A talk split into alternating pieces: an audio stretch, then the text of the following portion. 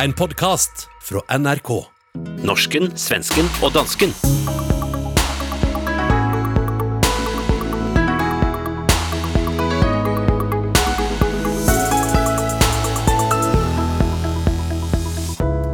Mens norske partier klumper seg sammen i midten, er det bråk på Danmarks ytterste flanker. Svenskene bakser med politiske skandaler og diplomatiske kriser, men statsepidemiologen deres smiler stadig bredere i international presse.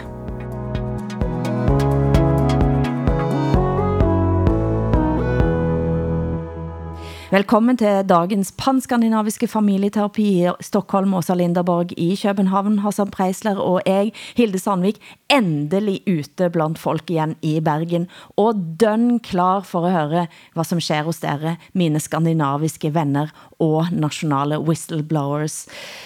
Hvad sker på din front, Hassan? Har du noget Mette Fredriksen nyt at komme med? Ja, jeg ved jo, at I sidder uge efter uge og håber på, at jeg kan bidrage til den store fortælling om Mette Frederiksen og hendes kontrolapparat. Og det kan jeg i denne uge, fordi Mette Frederiksen er ved at etablere sit eget lille personlige finansministerium inde i statsministeriet, sådan så hun kan få den fulde kontrol over statskassen her i Danmark. Hvor skal dette ende? Ja, det er spændende at se. Altså, vi skal jo kigge øst over for at se, hvor galt det kan... Ej, vi skal ikke sammenligne hende med nordkoreanske diktatorer. Det vil være helt forkert. Nej, ja, det vil Så det gør vi ikke. Men Vi jag måste, sammenligner hende ikke med Kim Il-jung. jag måste ändå fråga, vem, finansministern i Danmark är alltså inte socialdemokrat, eller? Jo, jo, jo. Vi har en etpartisregering i Danmark. Han Ja, hedder, han vel, hedder Nikolaj hvad- Vammen. Ja. Vad är själva problemet här? Øh, altså, øh, vi, det er jo klart, altså os, der, der synes, at uh, Mette Frederiksen er en kontrolfreak, vi tænker jo bare, at det er en forlængelse af hendes behov for at, at have styr på alt, hvad der foregår over mm. det hele. Ikke? Men der er ikke nogen, øh, det vir, altså, jeg har ikke hørt om, at der skulle være nogen øh, magtkamp mellem finansministeren og statsministeren på noget niveau overhovedet. Hvad sker der med utenrigsministeren? Har hun kontrol på han? Altså, man kan jo sige, at hvis der er nogen, der har øh, udenrigsminister Jeppe Kofod i en snor, så er det Mette Frederiksen, fordi hvis hun giver slip, så er han færdig. Altså, det er hende, der holder hånden over ham, ikke? Og, og nu, nu det er jo, altså, det er jo begyndt at rumstere i udlandet, fordi der er selvfølgelig nogle af de øh, store nationer i verden, som ønsker at øh, bidrage til, at den moralske globale øh, fordeling kan forskubbe sig, som nu øh, har fået øje på Jeppe Kofod. Ikke? Og de øh, peger så i retning af Danmark og siger, øh, Danmark har en udenrigsminister, der som 34-årig havde sex med et barn. Jeg siger ikke, at det var med et barn. De, de siger, at det var med et barn. Ikke? Og dette er blandt andet i Rusland, da. Blandt andet i Rusland, og det er jo, øh, det kan man jo sige, det er jo en vægtig politisk øh, med- eller modspiller, afhængig af, hvordan man ser det i verden lige nu. Ikke? Så øh, jeg, jeg har jo hele tiden sagt, at jeg synes, det svækker nationens øh, råderum og, og muligheder, øh, at vi har en, øh, en minister, der har gjort sig så sårbar på den globale scene. Ikke? Og det Men har jo jag været... har en, en, eh, en fråga. Jag ska ner till eh, Köpenhamn nu i helgen för att lansera min bok som ju handlar om metoo. Och jag är lite nervös för det där för att jag tänker att jag tror att danska journalister vill att jag ska prata om Jeppe Kofot och Extrabladet och alltihopa det där. Och det är ganska svårt för mig att liksom kunna riktigt uttala mig med precision om, om det som har hänt och ser. Men jag har ändå en fråga. Vad är det som gör att Mette Fredriksson behåller utrikesminister? Alltså har vi någon förklaring till det? Är det bara prestige? Eller ser inte hon också att det här är ett problem för hennes regering? Jo, men, men det er jo ligesom om... Altså, det, Det är jättekonstigt. Ja, det alltså, är- Som svensk förstår man det Ja, inte. men det er virkelig underligt. Det har du fuldstændig ret i. Altså, det, det er jo... Ja, for nu er det jo, det er jo rent gætværk, for jeg ved ikke, hvad der foregår inde i Mette Frederiksens hoved. Men, men en af de ting, jeg har bemærket ved hende, det er, at hun ikke på noget tidspunkt ønsker at fremstå som et menneske, der begår fejl og, og tvivler. Ikke? Altså, hun er stålsat og stærk øh, altid. Ikke? Det er sådan, man ser hende i sin offentlige fremtræden. Men det er jo kun en del af det. Den anden del er, at der i, dan, i det danske socialdemokrati er opbygget sådan en klankultur. Ikke? Man, man, øh, man, man starter i den samme ungdomspartiorganisation, hvor man så... Det, så funkar Socialdemokraterna världen över. Okej, gott. Men man Ja. gör ändå inte så här världen över. Det här är extremt konstigt faktiskt. Men, men altså, jeg ved ikke, hvordan jeg ellers skulle forklare det andet, end at loyalitet og sammenhold inden for klanen betyder mere end retfærdighed og anstændighed. Men hvad tænker, hvad, hvad tænker du da? Altså, hvis du stiller spørgsmål, så har du sikkert en hypotese. Hvad tror du? Nej, jag, nej jag, har- ingen hypotes. Men jag tänker jag, det måste ha att göra med att hon vad det verkar vara en väldigt prestigefylld person helt enkelt. Det är nog snarare det, att hon inte kan göra fel. Men det skulle jag säga, det är ett svaghetstecken. Eh, att, inte, att inte kunna agera kraftfullt i en sån här situation.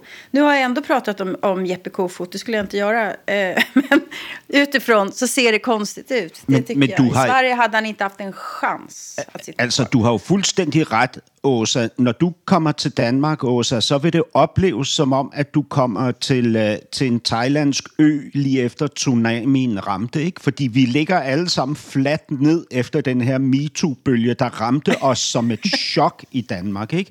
Og, det, og alle efter... Och först corona, sen metoo. Vi Ja. tog det en annan väg här. Ja, ja, det er det. Ja, og, og, Vi gjorde hvad- tværtom. Ja, ja, og, og hvad hedder det, smittetallet inden for øhm, MeToo er dobbelt så stort, som det er inden for øh, corona for tiden i Danmark. Det går virkelig, virkelig. Det går så hurtigt, øh, det hele lige nu, ikke? Men, men jeg, jeg glæder mig jo til, du kommer, fordi jeg, øh, jeg, jeg, har, jeg har aldrig mødt dig. Jeg håber på, at vi kan nå at mødes, mens du er her. Det vil være Ja, jag hopp, hoppas virkelig dejligt. vi får till det. Åsa, det vil Men, jeg gerne. men jeg skal ikke ha noe av at dere utvikler antistoffer etter et sånt møte. Jag kan inte norska, vad sa Hilde? Jeg forstår heller ikke, hvad hun så- siger. Ja, ah, du känner dig utanför Hilde. Ja. Nej men gud, gumman, hjärtat. Du hører norsken, svensken og dansken. Programmet blir sendt i Danmarks Radio, Sveriges Radio og Norsk Rikskringkasting.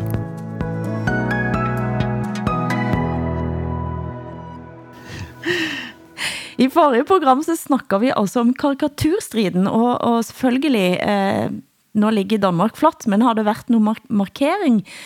Har det sket noget nyt, eh, Hassan? Altså de øh, danskere, der ligesom markerer øh, denne her mærkedag, det er jo øh, danskere, som vi alle sammen har placeret på den islamkritiske øh, fløj i dansk politik. Ikke? Det vil sige, der er ikke nogen kunstnere, der er ikke nogen tegnere, der er ikke nogen nyhedsmedier, der er ikke nogen, der ligesom er ude og lave en markering af, at det her er en meget vigtig og alvorlig øh, mærkedag i den, i den danske historie.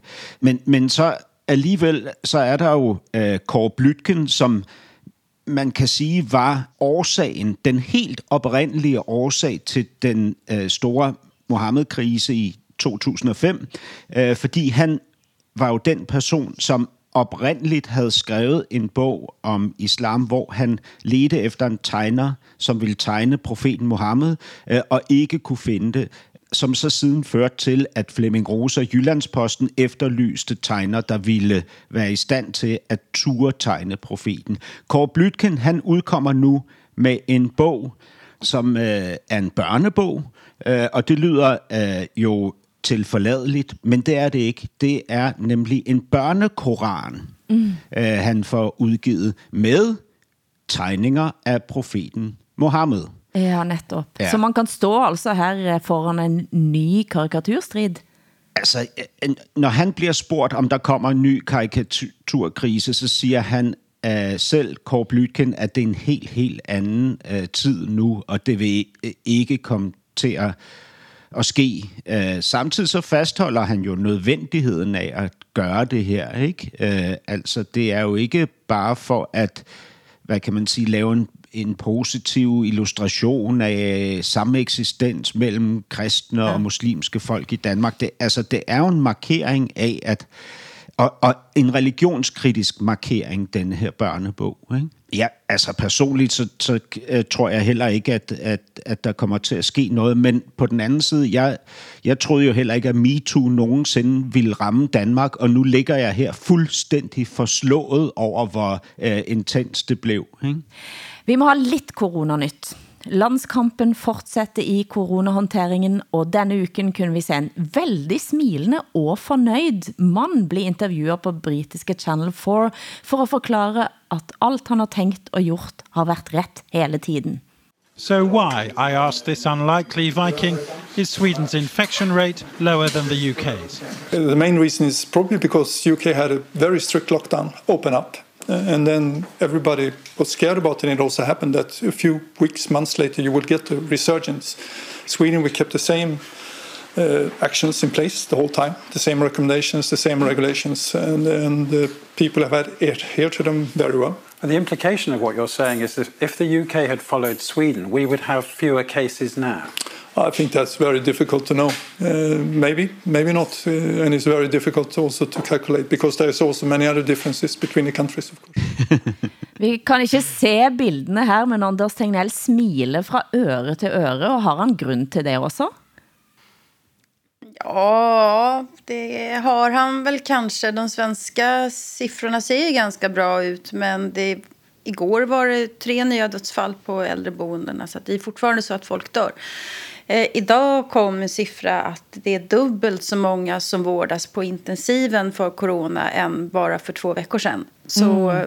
så eh, häromdagen så sa Tegnell att siffrorna i Sverige går stadigt åt fel håll. faktiskt. Mm. Men jämfört med andra länder så ser det ju bra ut vad gäller smittotalen. Men, eh, men det här är ju långt ifrån över. Jeg har tænkt på et av dine utsagn fra forrige uke, Hassan, om at du ikke kan huske sist kunst evner at provocere dig, hvis jeg forstod det ret. Mm. Og det slog mig, at det i alle fall er en række skandaler og retssaker, som hver for sig i alle fall siger noget om, at samfundet ikke kan stille sig helt likegyldige. Uh, hos dere er det nu en uh, ganske stor skandale i filmmiljøet. Ja, vi har, vi har en, uh, en dansk filminstruktør, som hedder Feras Fayyad, som uh, netop har vundet en Emmy for sin dokumentarfilm The Cave. Fra Syria. Han, han har været trukket frem i Ekstrabladet over flere omgange, fordi der er rigtig mange ujævnheder i produktionen af den her film og i hans øh, CV og så videre. Altså alle de her fotografer i Syrien, som har levet ekstremt risikofyldt og filmet i under stor fare for deres egen personlige sikkerhed, og siden afleveret materialet til, øh, til instruktøren Feras Ferjat, de har, de har ikke fået anerkendelse for deres arbejde, og heller ikke den løn, de var blevet lovet. Ikke? Så, og, og jeg kunne blive ved, men det, det sidste, der er opstået i den her øh, besynderlige sag, det er, at øh, en ung øh, kvinde, som har været i det produktionsselskab, som har produceret, som producerer hans film, hun sagde op og er nu trådt frem på grund af hans seksuelt krænkende opførsel. Ikke? Øh, og, øh, og, og man kan ligesom høre øh, hendes beskrivelse af det her... Øh, det her forløb, som hun har været udsat for med instruktøren. Ja, altså, det, det, prøv at høre, det, det er jo igen hvad hedder det, en, en sag med, med et besynderligt øh, forløb, og, og no, noget, der ligesom tyder på, at, at vi her har at gøre med et, et af de her grænseløse øh, mennesker, ikke? Øh, som så viser sig at, at kunne øh, eksistere i den danske kulturbranche, fordi andre mennesker holder hånden over ham. Ikke? Og de hellere vil beskytte øh, institutionen. Altså ligesom med Mette Frederiksen og, og Jeppe og Kofod. Kofod ikke? Mm. I Sverige så pågår det også en retssag, som herfra forekommer at være helt absurd. Eh, Aron Flam, jødisk-svensk komiker, har skrevet bok, som tar for sig tystnadskultur i den svenske historien, blandt andet Sveriges samrøre med Nazi-Tyskland under krigen. Omslaget på boken en satirisk vri på en kampanjeplakat fra 1941 med en gulblå tiger, som skulle få neutrale svensker til at tie, altså en antispionagekampagne. Men lad os høre fra Expressen TV's rapport fra opstarten av retssaken denne uken.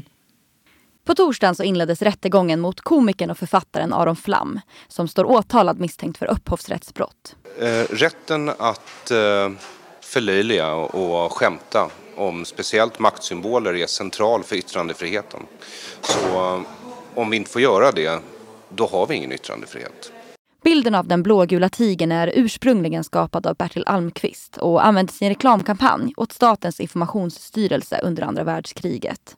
Frågan som tingsrätten idag ställer sig är huruvida Aron Flam med uppsåt eller grov oaktsamhet gjort intrång i upphovsrätten. I Flams version bär tigern en armbindel med ett hakors och gör Hitlerhälsning. Beredskapsmuseet de anser ju att det är upphovsrättsintrång. Kan du på något sätt förstå deras eh, reaktion?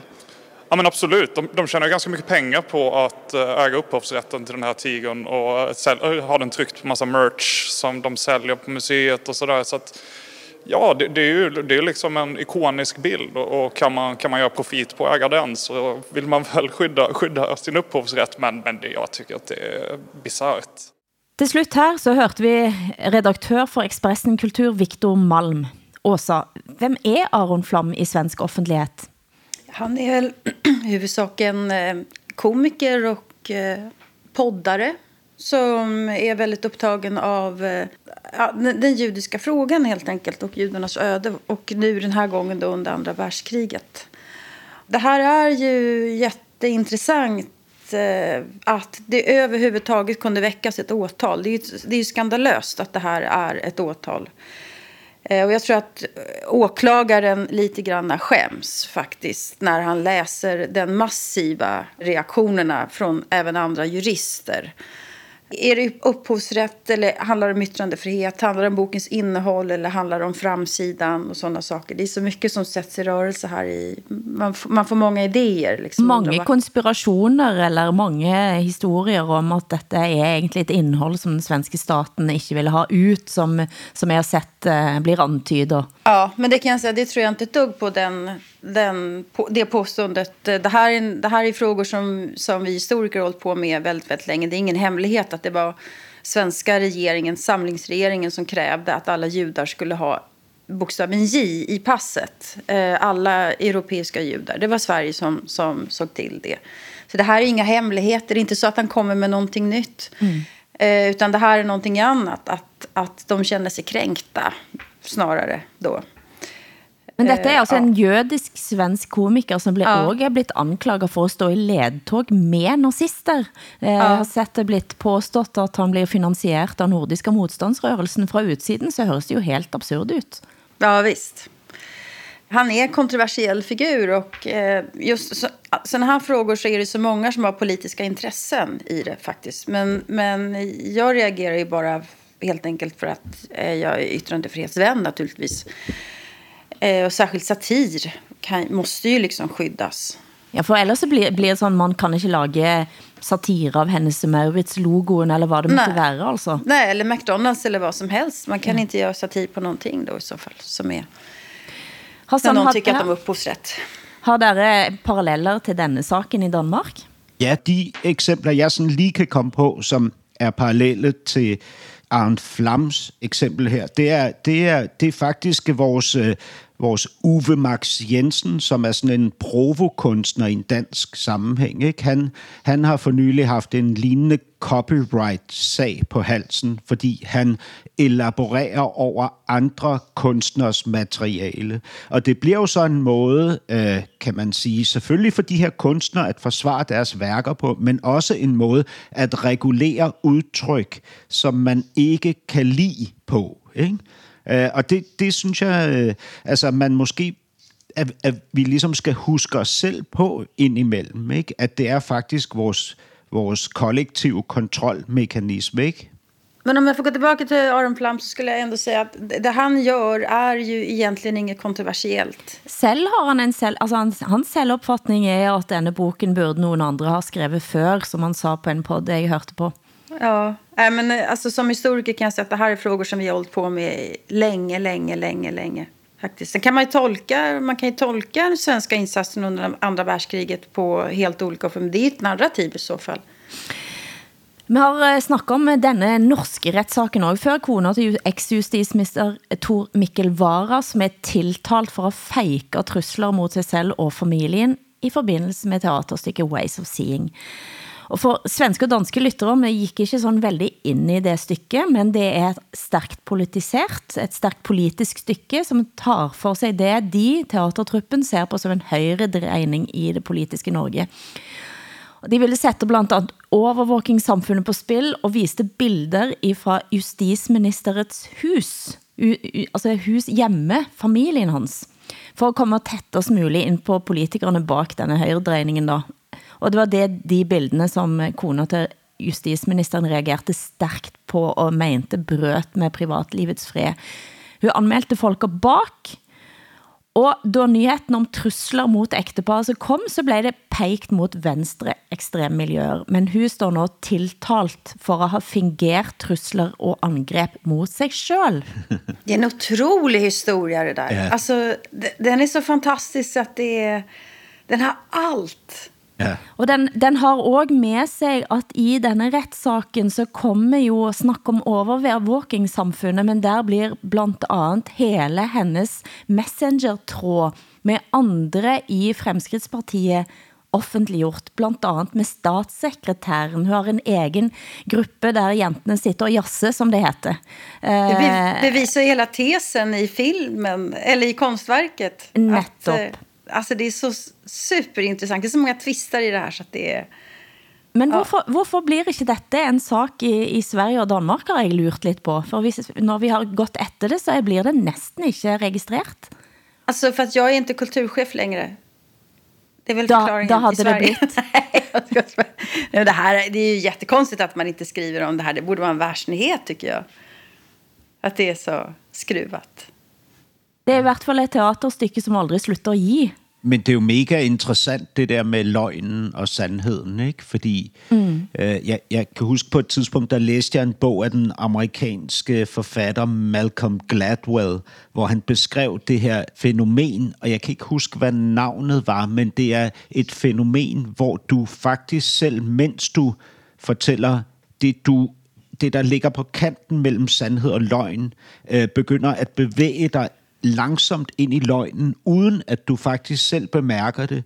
Og det kan ofte være i sammenhæng, hvor din, øh, dit budskab har meget stor væsentlighed, eller at tilhørendes reaktion overtager så meget, at du går med dem. Ikke? Så begynder din fortælling langsomt at forandre sig fra sandhed til løgn. Ikke?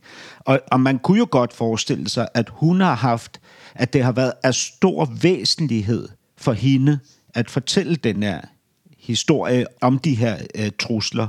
Øh, måske fordi hun tror på, hvad hedder det, at politikere skal beskyttes, og at det er hårdt for hende og hendes familie og så videre. Ikke?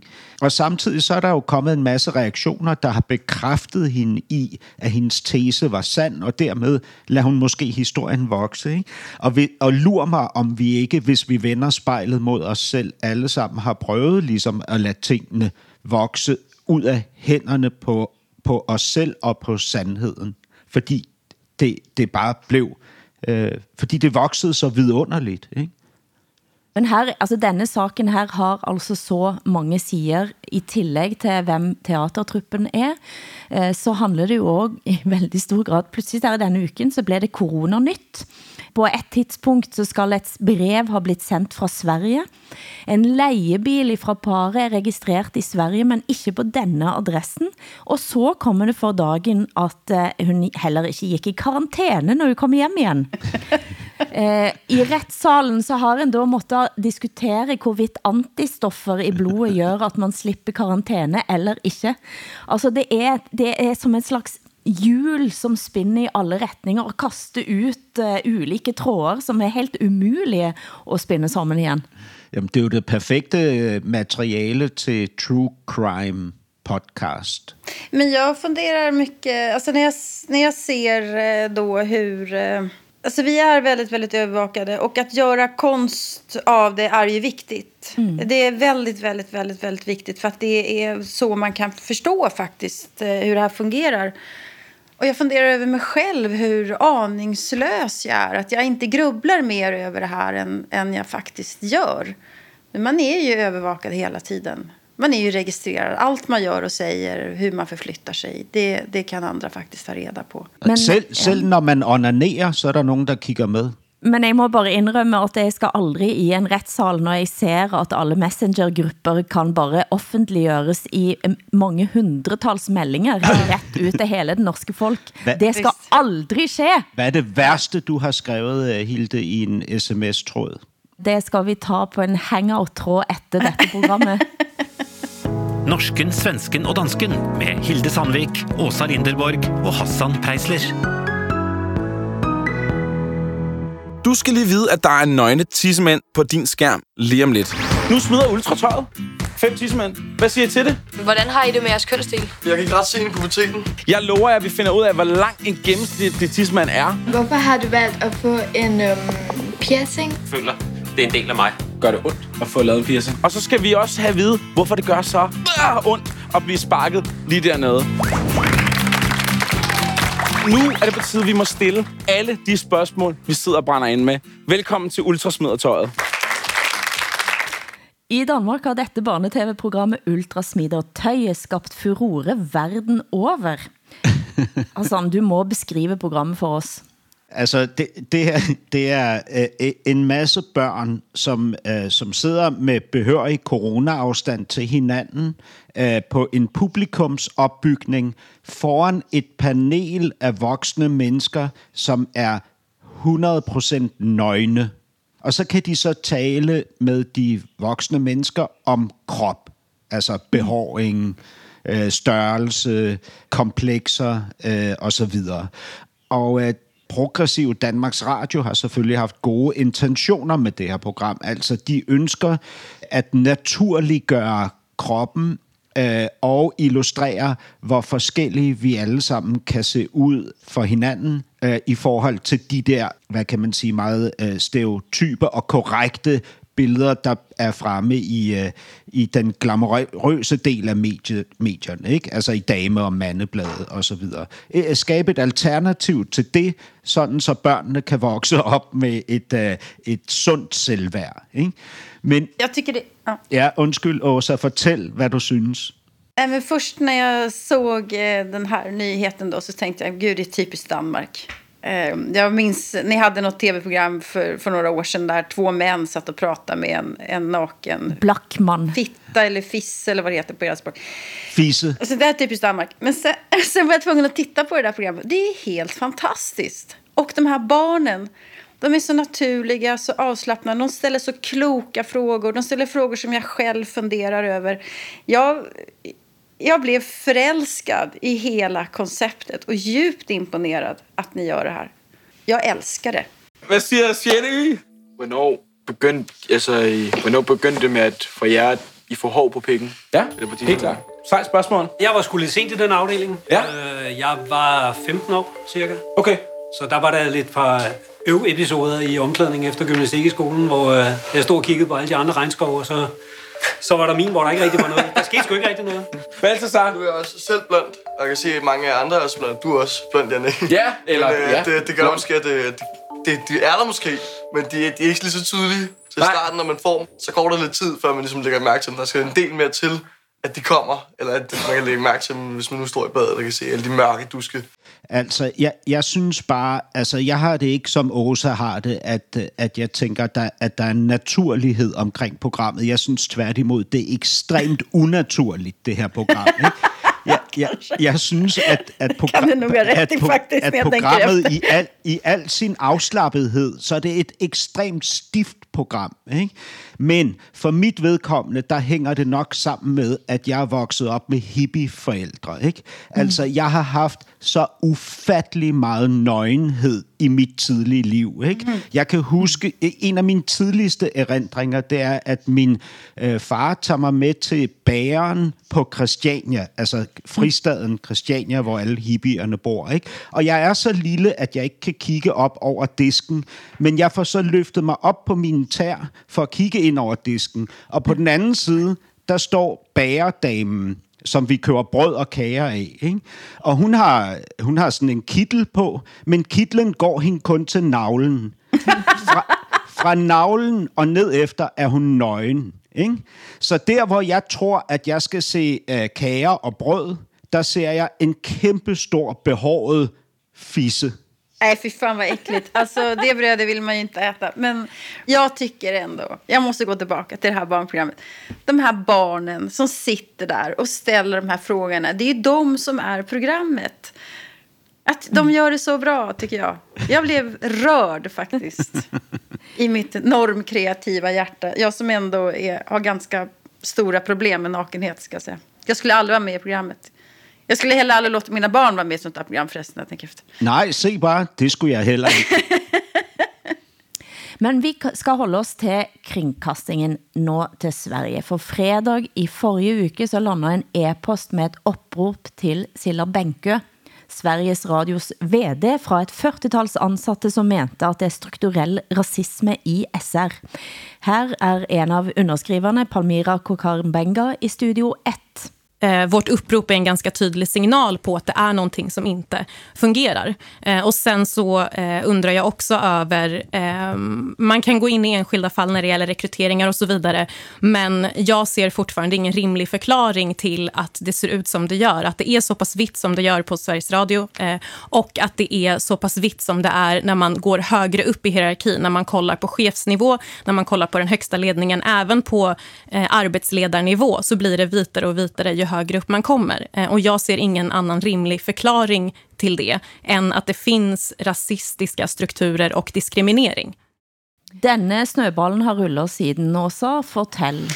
Ja, jag tycker det är ganska intressant. Om man tar public service och framförallt Sveriges Radio kanske så de har, skulle jag säga, varit journalistiskt sett, publicistiskt sett så har man behandlat Black Lives Matter ganska okritiskt eh, och man har varit väldigt entusiastisk i sin nyhetsrapportering kring det där, skulle jag säga. Sen drabbas man själv av något motsvarande då innanför sina egna väggar med ett stort upprop.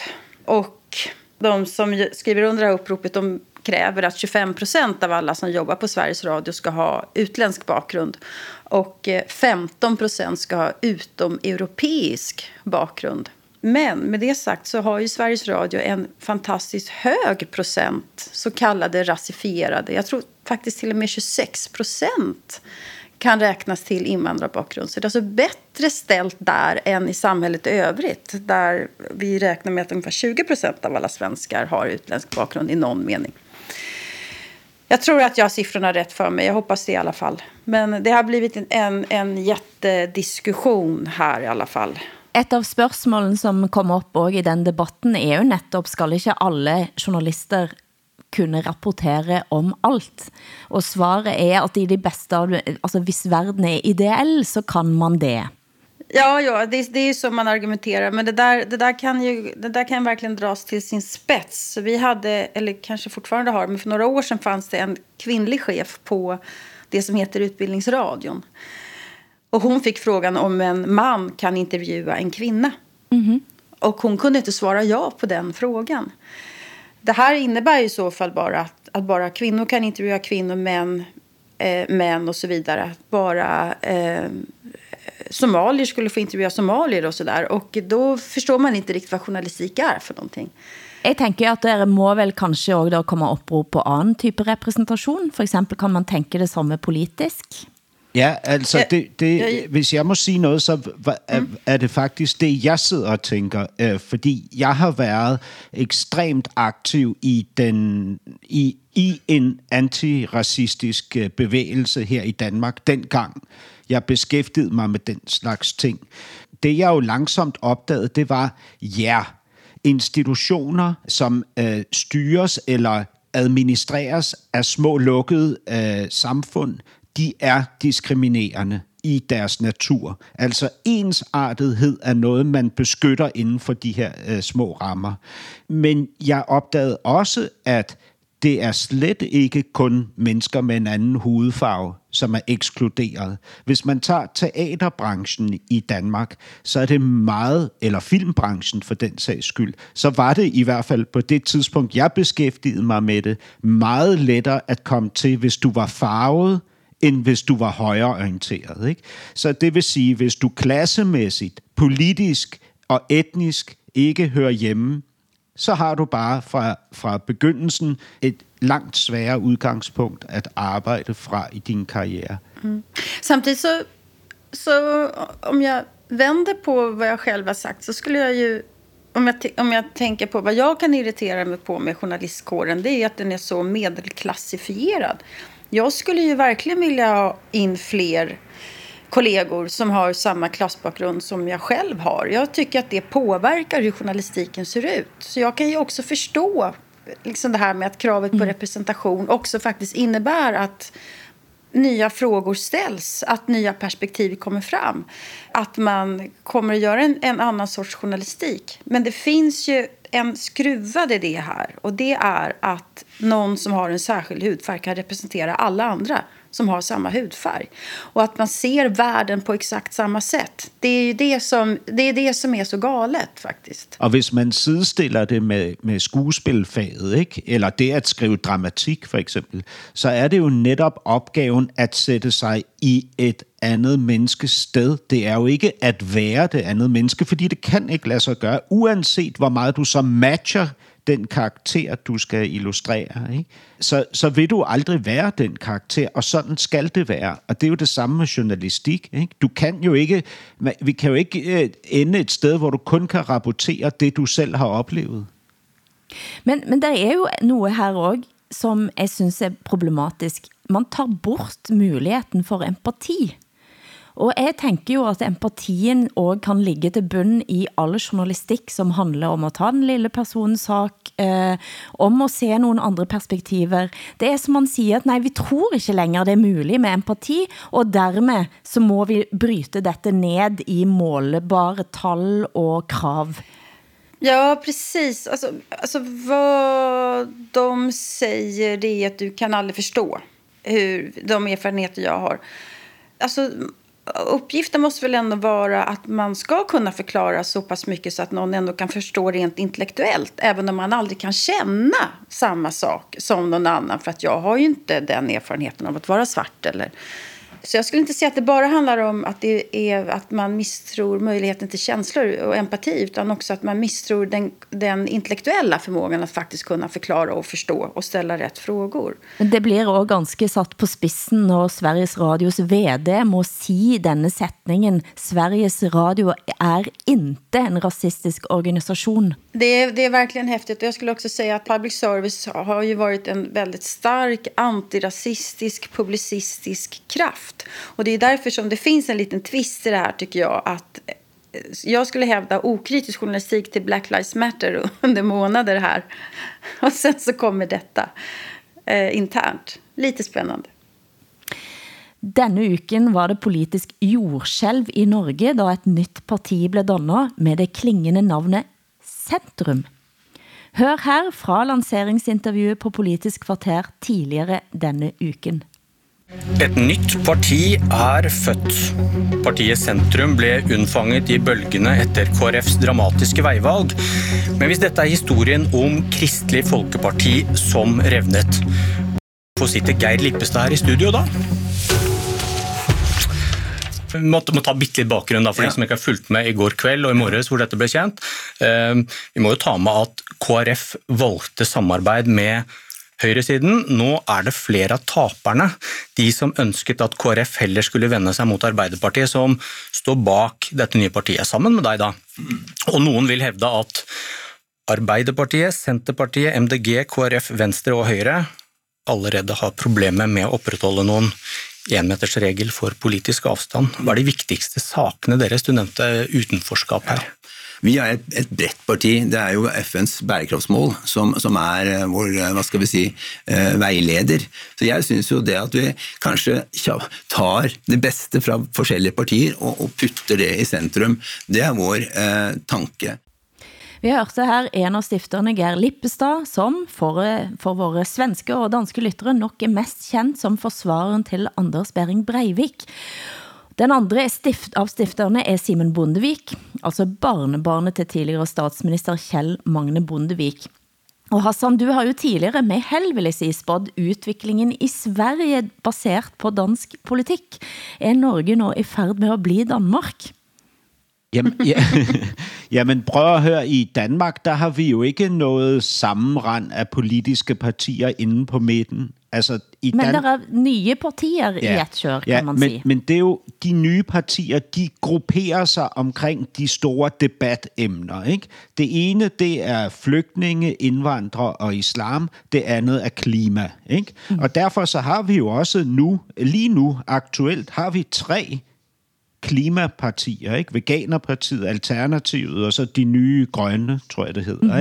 ikke? Øh, altså partier, som 100% fokuserer på klima. Så har vi alle de andre partier, som også vil have en klimadagsorden. Selv Dansk, Dansk Folkeparti har fået en, en aktiv klimadagsorden. Ikke? Øh, og på samme måde med flygtning, indvandrere islam, ikke? der har vi øh, partier, der stemler sig sammen derude. Øh, hvad hedder det? Veganerpartiet holdt pressekonference her forleden for et par dage siden.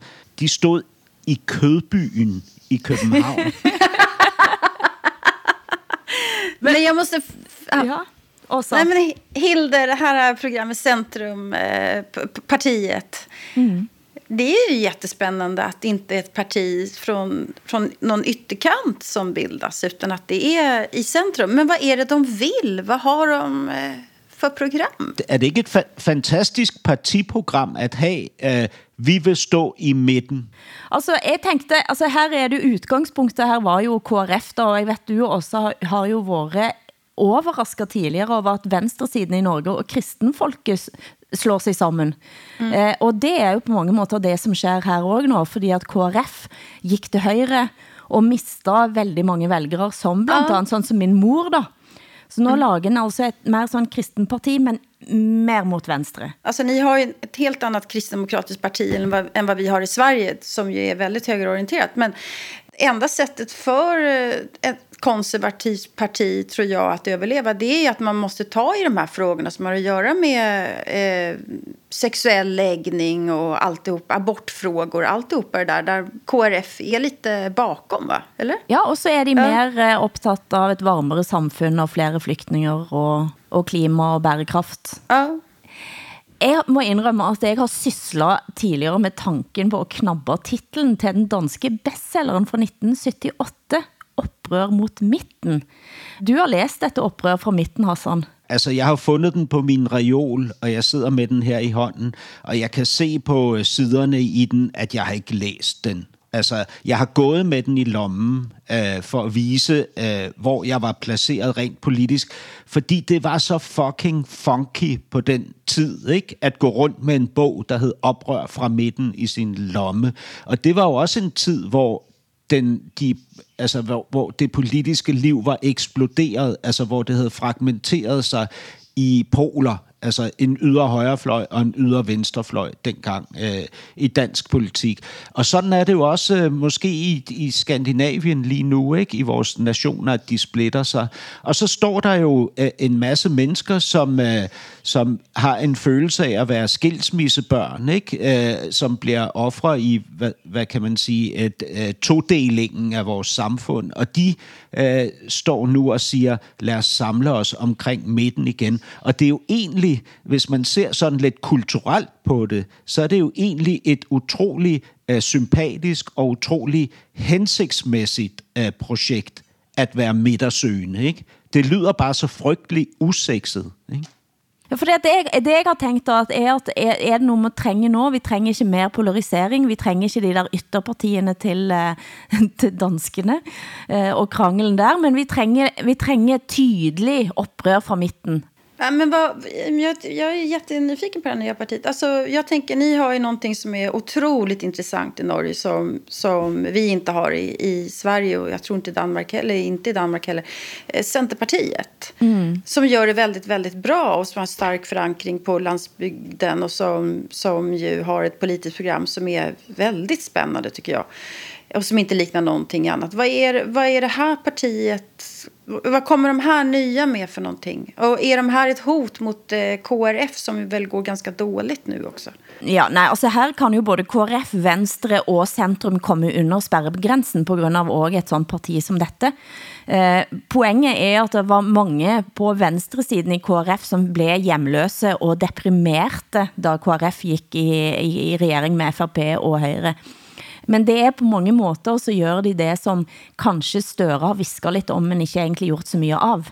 For midten i norsk politik, den, står, den er jo egentlig, hvis du står med en fot i Arbeiderpartiet og en fot i Højre, så er du ganske centrumsorienteret. Ja, det er sjovt. Jeg vil placere den danske midte et helt andet sted. Ja, hvor er det, hvor er det i Danmark? Jamen altså, som, altså, nu, det er jo sikkert på grund af min alder, men jeg, jeg vil ikke kunne placere den i noget parti lige nu, fordi jeg synes, alle partier har fragmenteret sig et eller andet sted hen. Ikke? Men, men jeg, jeg vil jo placere den et eller andet sted mellem Socialistisk Folkeparti og det konservative øh, folkeparti. Ikke? Der, der, der tror jeg ligesom, hvis man kunne have et ben i hver af de to lejre, så vil ens øh, skridt være lige i midten. Jeg har omtalt mig selv som centrumsfundamentalist mange ganger, men denne svenske sketchen Centrumsekstremisten med Gösta Ekman fra Sverige gjorde at jeg la begrebet på hylder. Det är sådana som ni som splittrar Centern. Nej, nej och åter nej. Det finns ingen splittrad Center. Det finns bara en Center och det är vi. Vi vill inte bara stå i mitten och vela med ett ben åt höger och ett ben åt vänster. Utan vi vill stå extremt i mitten. Vi vill stå så mycket i mitten som det överhuvudtaget går att komma. Vi inom CPBHR, vi vill stå mitt bland folket. Så hör vi folkets röst liksom i stereo. Under min bästa herre, vad har Centern för ideologi? Vi måste få lagom ordning! När någon har gjort något bra, då ska han ha lagom beröm. Då säger vi inte det där var jävligt bra, utan vi säger det där var rätt bra. Det behövs betydligt fler barndaghem, sägs det. Vi säger istället vi behöver en del barndaghem till. Man säger skicka mycket pengar till Indokina. Vi säger istället skicka några kronor till Norge. Och så säger man all makt åt folket. Och då säger vi det är väl att ta i. Ordet lagom dukker op igen her også. Det er jo selve det svenske nationalordet, men du må faktisk forklare det lidt. Oj, det är svårt att förklara lagom. Det betyder inte för mycket och inte för lite. Utan, eh, Helt passe. Men det är heller inte perfekt, betyder inte heller. Alltså det är ett väldigt, väldigt speciellt ord. Men eh, jag tycker ju inte att Sverige är landet lagom eller, eller mellanmjölkslandet som en del säger och så där, utan vi är ett ganska extremt land på många, många sätt faktiskt. Men her er nu altså centrumsekstremist i tillæg. Ja. Men Hassan Åsa plager dig ofte med at du ikke tar stilling til saker. Känner du dig igen i denne Gösta Ekman-figuren? Fast det gör han ju. Det är bara... Nej, det ved jeg ikke. Men, men jeg, jeg, må jeg sige noget om det der øh, svenske? Hvad hedder det? Lagom? Lagom. Altså, mm. jeg, jeg, jeg faktisk... Altså, min fornemmelse har, har i, i lang tid været, Åsa, af Sverige, at det er et, øh, et meget ekstremt land, ekstremistisk land, med en masse undertrykt med en masse undertrykte impulser, som opleves som om, de kan eksplodere når som helst. Ikke? Holder det, med. det er min ja. fornemmelse af, af Sverige. Ikke? Og så har man lagt den her dyne af logum ned over øh, alt det her, ikke? Som, som ligger og bobler dernede. Og, og en måde, man viser øh, sin svenske ophøjethed, ikke? det er ved at lade det boble nedunder, men, men være i stand til at, at, at undertrykke det. Ikke? det. Det har jeg fornemmelsen af, viser, at det er en måde, man kan illustrere den svenske storhed på. Ikke? Er, det, er det rigtigt Men jag, forstået? tänk, ja, jag, jag förstår precis vad du menar. Jag kan nog hålla med dig till ganska stor del. Men jag skulle nog returnera och säga att för mig är nog Danmark ungefär likadant. Alltså, ni har en idé om att ni är så dejliga. Men det är ganska mycket aggressioner i Danmark också. Ja, men, men, det er jo, Under men, men det er, jo en, er det ikke en, for, en ret formul, formuleret aggression? Ja, jo, det kan du nog ha rätt i. Du hører norsken, svensken og dansken i SR, DR og NRK.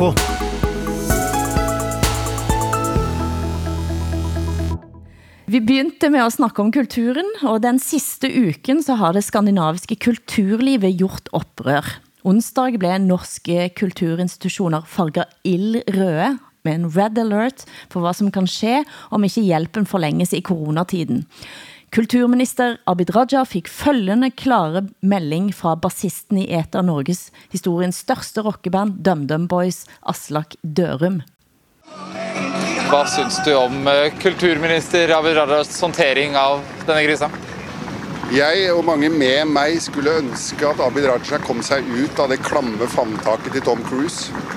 Hevet blikket fra selfiestanga lenge nok til å snakke med noen voksne som faktisk veit hvordan kulturlivet i Norge fungerer, og hva som får det til å gå rundt. For det er ikke Abid Raja. Eller Tom Cruise. Her viser han da til at Abid Raja la ut en selfie da med Tom Cruise, som visstnok skal filme på nytt i Norge. Men eh, Jonas Gardell også har også været ute med å klage på, mot eh, i, når den er coronatiden, og hvordan har det gått? Ja, det har varit krav på vår kulturminister Amanda Linds avgång.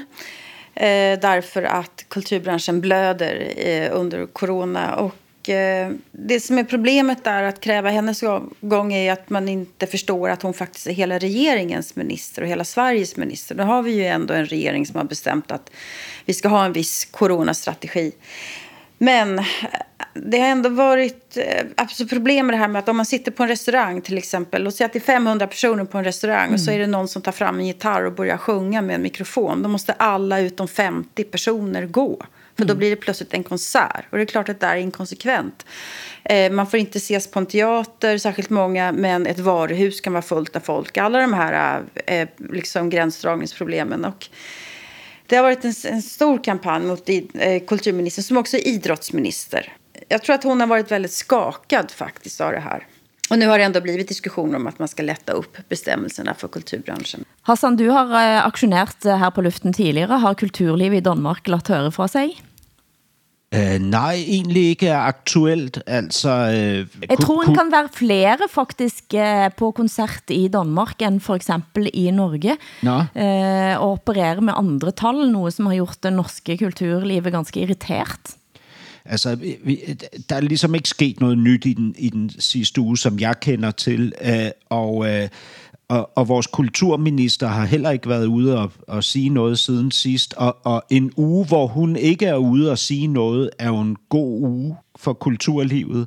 Øh, så så det, jeg har egentlig, jeg er egentlig svagt optimistisk, øh, alene af den årsag, at Joy Mogensen ikke har sagt noget. Vi sitter jo her i forbrødringens ånd, og denne uken var den svenske Nordens og handelsminister Anna Hallberg i Norge for at diskutere det kjølige klima som er opstået mellem landene. Men i møtene kom svenskene med bekymringer om at den nordiske samarbeidsånden er blitt offret i kampen mot viruset.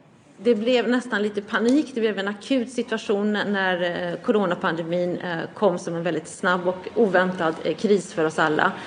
Eh, Vi hann inte, tycker vi då, ha en dialog, informera varandra och också ta hänsyn till kanske det nordiska perspektivet så som man i efterhand tänker att ja, men det kanske hade varit bra att ta det där extra samtalet. Relasjonen Norge-Sverige er nå dårlig, sier nestleder i styret i Foreningen Norden. I fall så har det vært kaldere nå enn det har vært på veldig lenge. Og det er veldig synd, fordi at den tida vi går fram i nå, så betyr jo regionene og det at en har et forhold til naboene kanskje mer enn noensinne.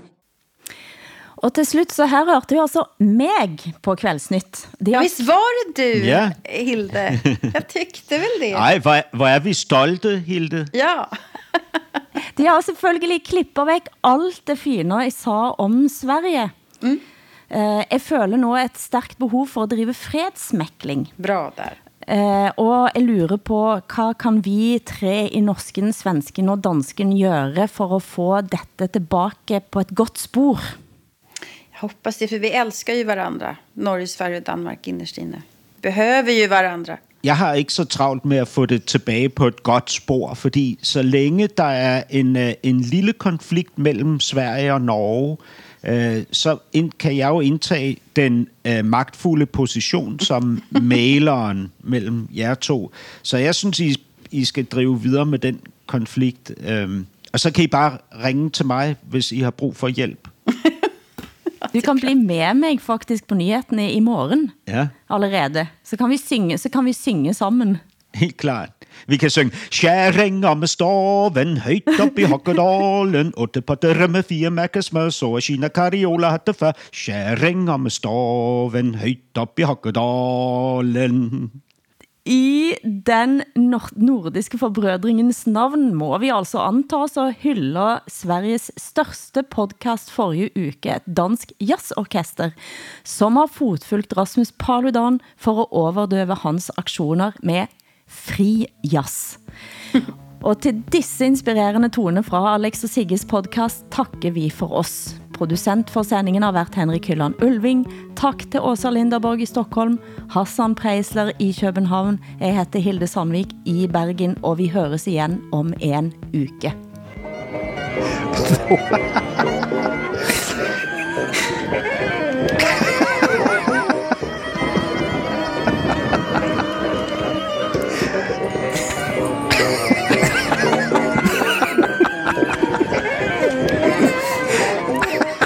Ja, han måste vara så jävla irriterad.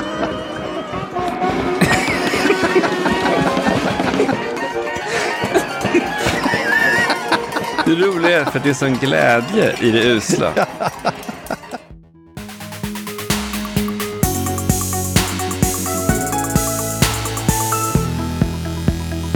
Du har hørt en podcast fra NRK. Hør flere podcaster og din favorittkanal i appen NRK Radio.